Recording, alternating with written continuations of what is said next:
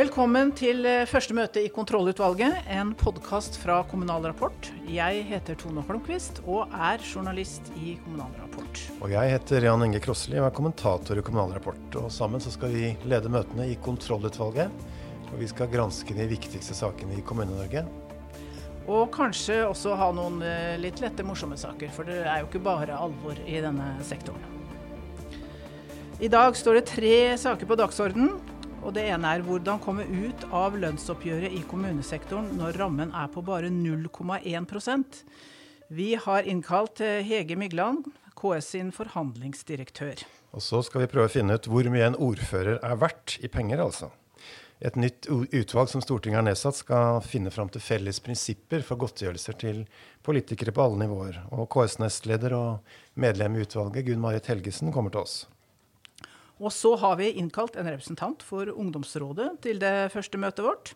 Daniel Aluku, leder i Viken ungdomsråd, skal fortelle oss litt hva ungdommene er opptatt av. Og til slutt så er det kanskje en sak til eventuelt. Er dagsordenen godkjent? Ja, den er godkjent.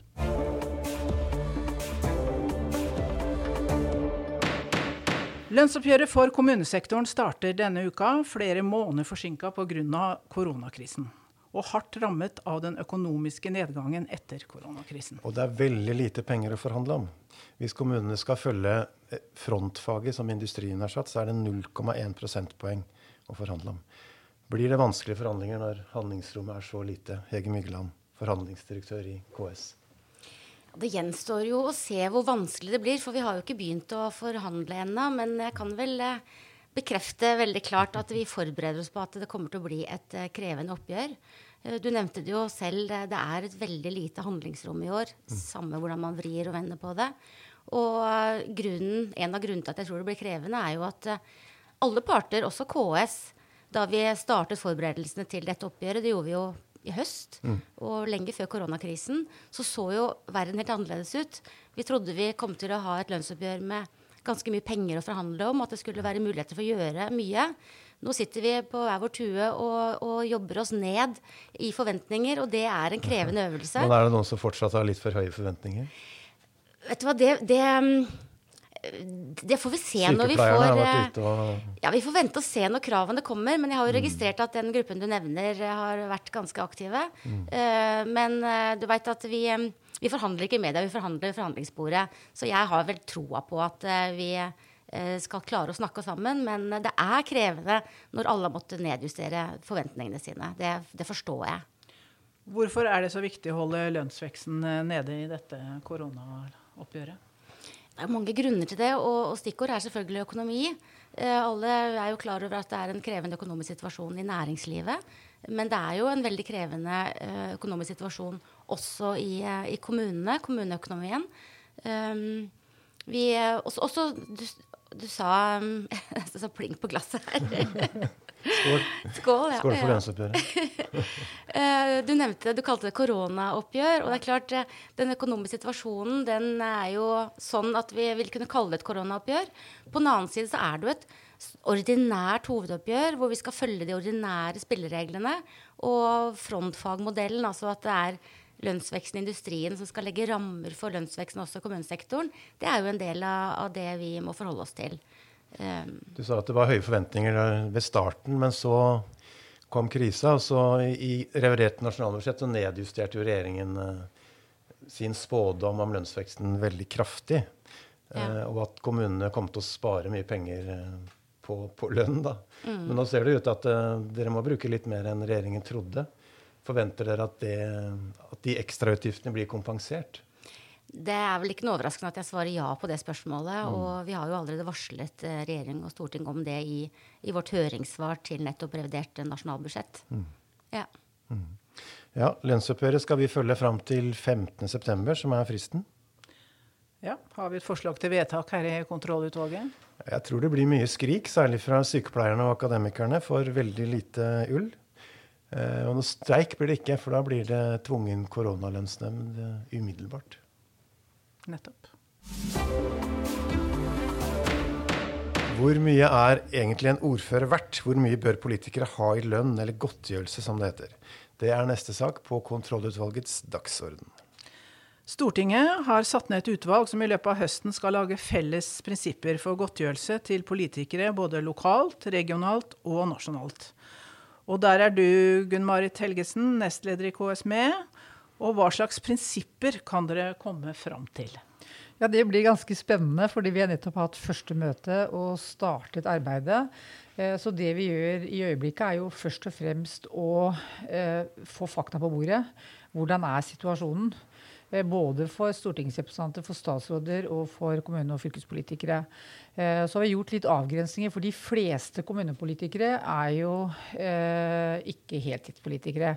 Så vi tenker at vi må gjøre noen type avgrensninger, hvis ikke så blir det et veldig omfattende arbeid. Så eh, er det jo viktig å presisere fra KS sin side at eh, kommuneloven eh, er ganske klar på at det er kommunestyret i fylkestinget som vedtar et godtgjøringsreglement. Hva blir avgrensningen? Avgrensningen er å først og fremst se på helt, altså, øh, folkevalgte som har heltidsverv. Øh, mm. og så vil det kanskje være noen frikjøpsordninger vi går inn på. Men først nå så samler vi inn fakta, slik at vi vet hva er situasjonen. Hva tjener ordførere rundt omkring i det ganske land? Uh, og hvordan er situasjonen med lønnsutviklingen eller godtgjøringsutviklingen de siste 10-15 årene, også for uh, nasjonale politikere. Men likevel, hva slags felles prinsipper kan man tenke seg? Nei, Det er det som blir spennende. Det har vi ikke starta diskusjon på, så det kan jeg ikke si noe om. Men, men vi håper jo at det blir Det blir jo ikke prinsipper som blir det må dere gjøre, men det blir noen anbefalinger som uh, eventuelt Stortinget og lønnskommisjonen på Stortinget kan vedta. Mm. Er det et problem at eh, godtgjøringene til kommune- og fylkespolitikerne er så høye? Ja, Det er vel sikkert litt øynene som, som spør. fordi det som ofte, eh, Når man snakker om kommunepolitikere, så høres det ut som at alle eh, er politikere på heltid. Det stemmer jo ikke. Det er som sagt nesten bare ordførere i de mindre kommunene som er en heltidsgeskjeft. Eh, og det er eh, det man må For det første så er jo de ikke ansatte. De har ikke lønn. De har en godtgjøring.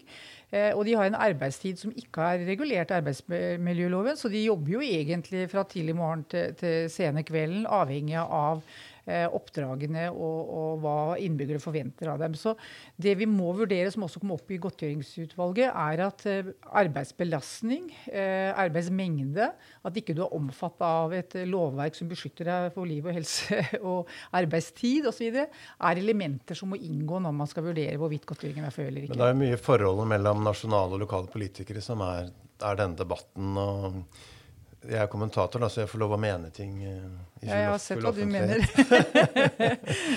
og jeg tenker jo at ingen lokale eller regionale politikere bør ha høyere godtgjørelse enn en noen av de nasjonale. Fordi alle nasjonale politikere har større ansvar enn enhver lokal politiker. Altså, en stortingsrepresentant har i prinsippet ansvar for hele statsbudsjettet, som de vedtar. og en statsråd er med en regjering som legger fram et budsjett. ikke sant? Eh, men hva mener du? Kan en ordfører eller en byråd ha høyere godtgjørelse enn en stortingsrepresentant? Og hva er begrunnelsen for det? Ja, jeg tror du må se på det jeg nevnte. Arbeidsmengde, ansvar, mm. hvor mye tid du bruker på vervet. Og jeg har vært fylkesordfører i åtte år. Jeg har vært fylkesvaraordfører. Det er nesten sånn heldøgnsaktivitet. Eh, ja, det er det for statsråder? For statsråder er det det, men ikke for stortingsrepresentanter nødvendigvis. Jeg har vært innom Stortinget òg, jeg. Eh, jeg vet jo at du kan seile gjennom uten å gjøre altfor mye. Du har lange ferier på sommeren. Eh, mm. Mens en ordfører er ikke beskytta av det samme regelverket. Har ikke de samme pensjonene pensjonsordninger har ikke de samme systemene. Så hvis man skal sammenligne, så må man iallfall sammenligne alt. Mm. Eh, og det gjøres nok ikke nå. Men så er det jo viktig da, at det er kommuneloven som regulerer at det er egentlig eh, kommunestyret i fylkestinget som vedtar godtgjøringene eh, i åpenhet, slik at innbyggerne vet eh, hvilket nivå man legger seg på, og, og hva man eventuelt går til valg på.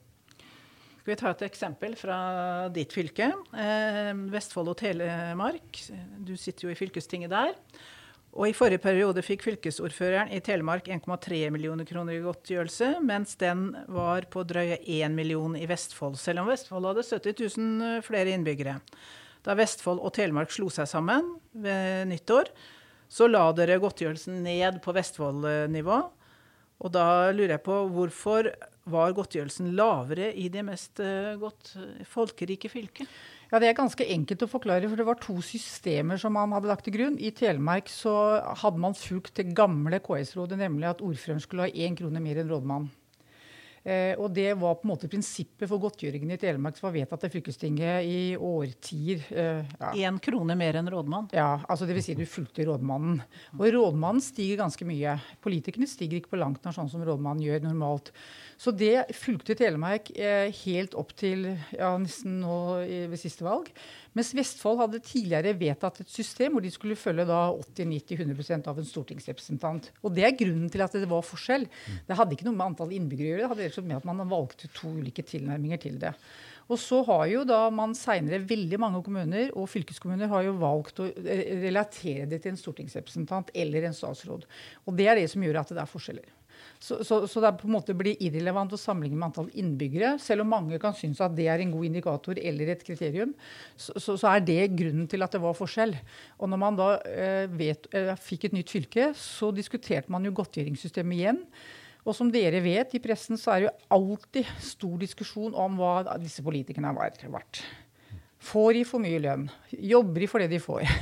og Derfor så ble jo eh, på en måte klima for å ta godtgjøringen ned var jo en del av diskusjonene i fellesnemnda når man vedtok godtgjøring for ordfører, og så ble det da lavere. For det var mye diskusjoner, særlig i Telemark? Om, Masse om diskusjoner, og da valgte man jo da å gå inn på det systemet som Vestfold hadde, nemlig at man valgte 110% av en stortingsrepresentant. Men Var det en erkjennelse av at det hadde ligget for høyt i Telemark? Ja, Det var sikkert noen som mente det også. ikke sant? Det er jo ulike. Og så ble det et kompromiss at ok, vi bruker 110 av en stortingsrepresentant. Eh, og så ble da summen det den ble. Og det betydde da at den nye fylkesordføreren gikk ned i forhold til det som hadde vært i Telemark. Så det var greie, greie resonnementer bak. Så, så, får jo velgerne være dommere da over hvorvidt det er for mye eller ikke. Ja. Kontrollutvalget kommer helt sikkert tilbake til dette godtgjøringsutvalget som skal jobbe utover høsten. Takk til Gunnmar Helgesen. Takk til dere.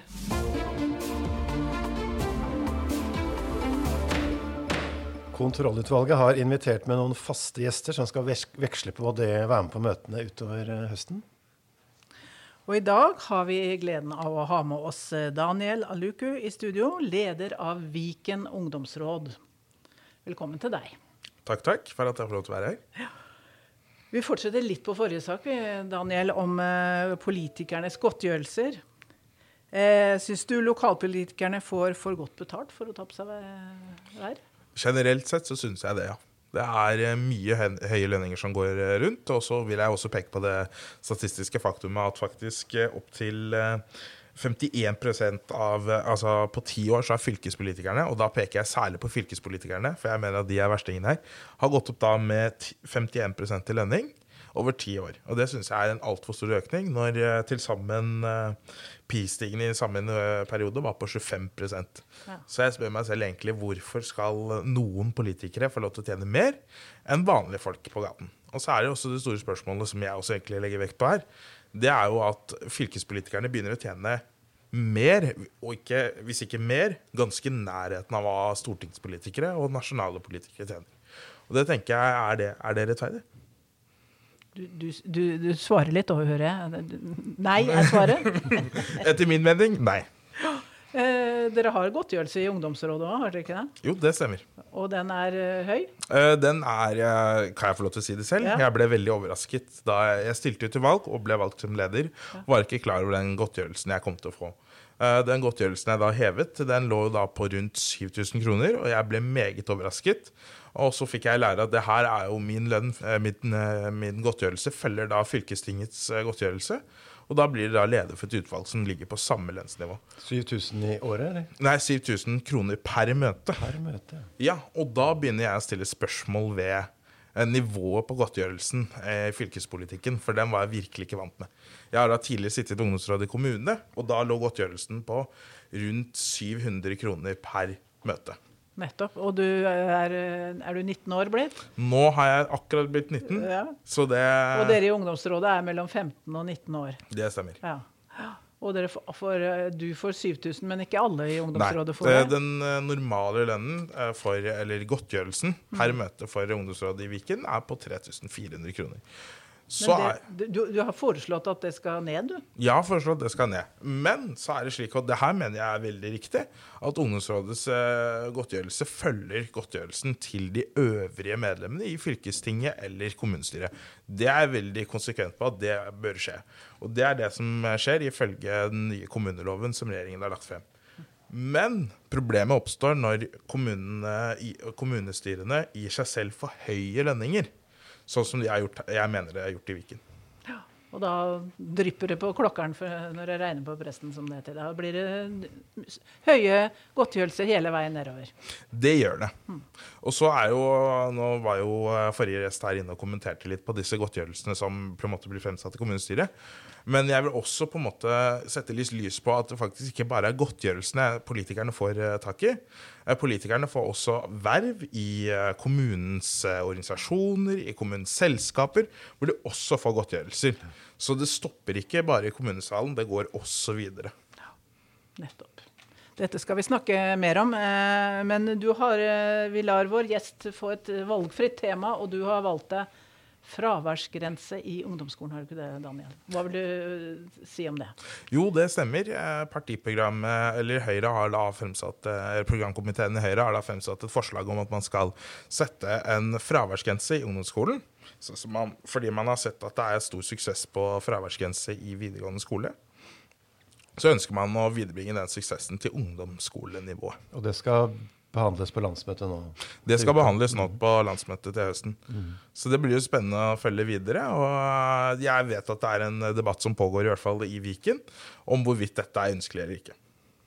Og du har, eh, du har sterke meninger om det allerede, har du ikke det? Jeg har mange sterke meninger. Eh, Som ungdom så har man gjerne det, og her mener jeg jo det at det er unødvendig press på eleven, samtidig som det bare er eh, unødvendig mer administrativt arbeid for læreren. Jeg tror at mye mer å sette grenser for eleven, som allerede på ungdomsskolen plikter å møte opp i undervisningen. Det er viktigere å sette rammer rundt eleven. og, og, og, og sørge for at man stiller spørsmålet hvorfor dukker du ikke opp i undervisning? Hvordan kan vi hjelpe deg å dukke opp i undervisning? Istedenfor hvorfor dukker du ikke opp i undervisning? Dette her er dårlig. Så vet vi jo at du har meldt deg inn i Unge Høyre, så du er litt på koalisjonskurs koalisjon, kollisjonskurs med partiet. Ja, nå er jo dette fremsatt i eh, partiprogrammet, og da, da, da, da forholder jeg retten til å diskutere og debattere problemstillingene som da settes frem i partiprogrammet, eh, sånn at det kan komme til en endelig beslutning da, og ses om det kommer inn i partiprogrammet. Men da for fraværsgrensen i videregående, men ikke i ungdomsskolen. Hva er forskjellen? Her er den store forskjellen at uh, ungdomsskoleelever plikter å dukke opp til sin undervisning, og plikter å få den undervisningen. Uh, mens på videregående skole så er dette frivillig, Uh, og derfor så ser jeg på det slik at elevene på ungdomsskolen de må få med seg fagstoffet. fa- stoffet. De må få den undervisningen de har krav på.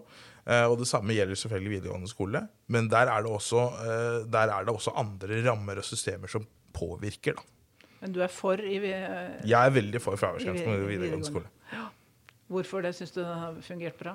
Jeg syns den har fungert bra, og resultatene viser jo at elevene er med på skolen. De lærer også mer mens de er på skolen, så jeg tror at det er bare gode signaler. Men når man skal sette et press på ungdomsskoleelever som tross alt allerede gjennom eksisterende lovgivning er pliktig til å få undervisningen, og er pliktig til å være, på undervis eh, være i undervisning, det lurer jeg litt på. Er det nødvendig? Om er det nødvendig? Den debatten kommer til å gå videre. Takk til deg, Daniel og Luke.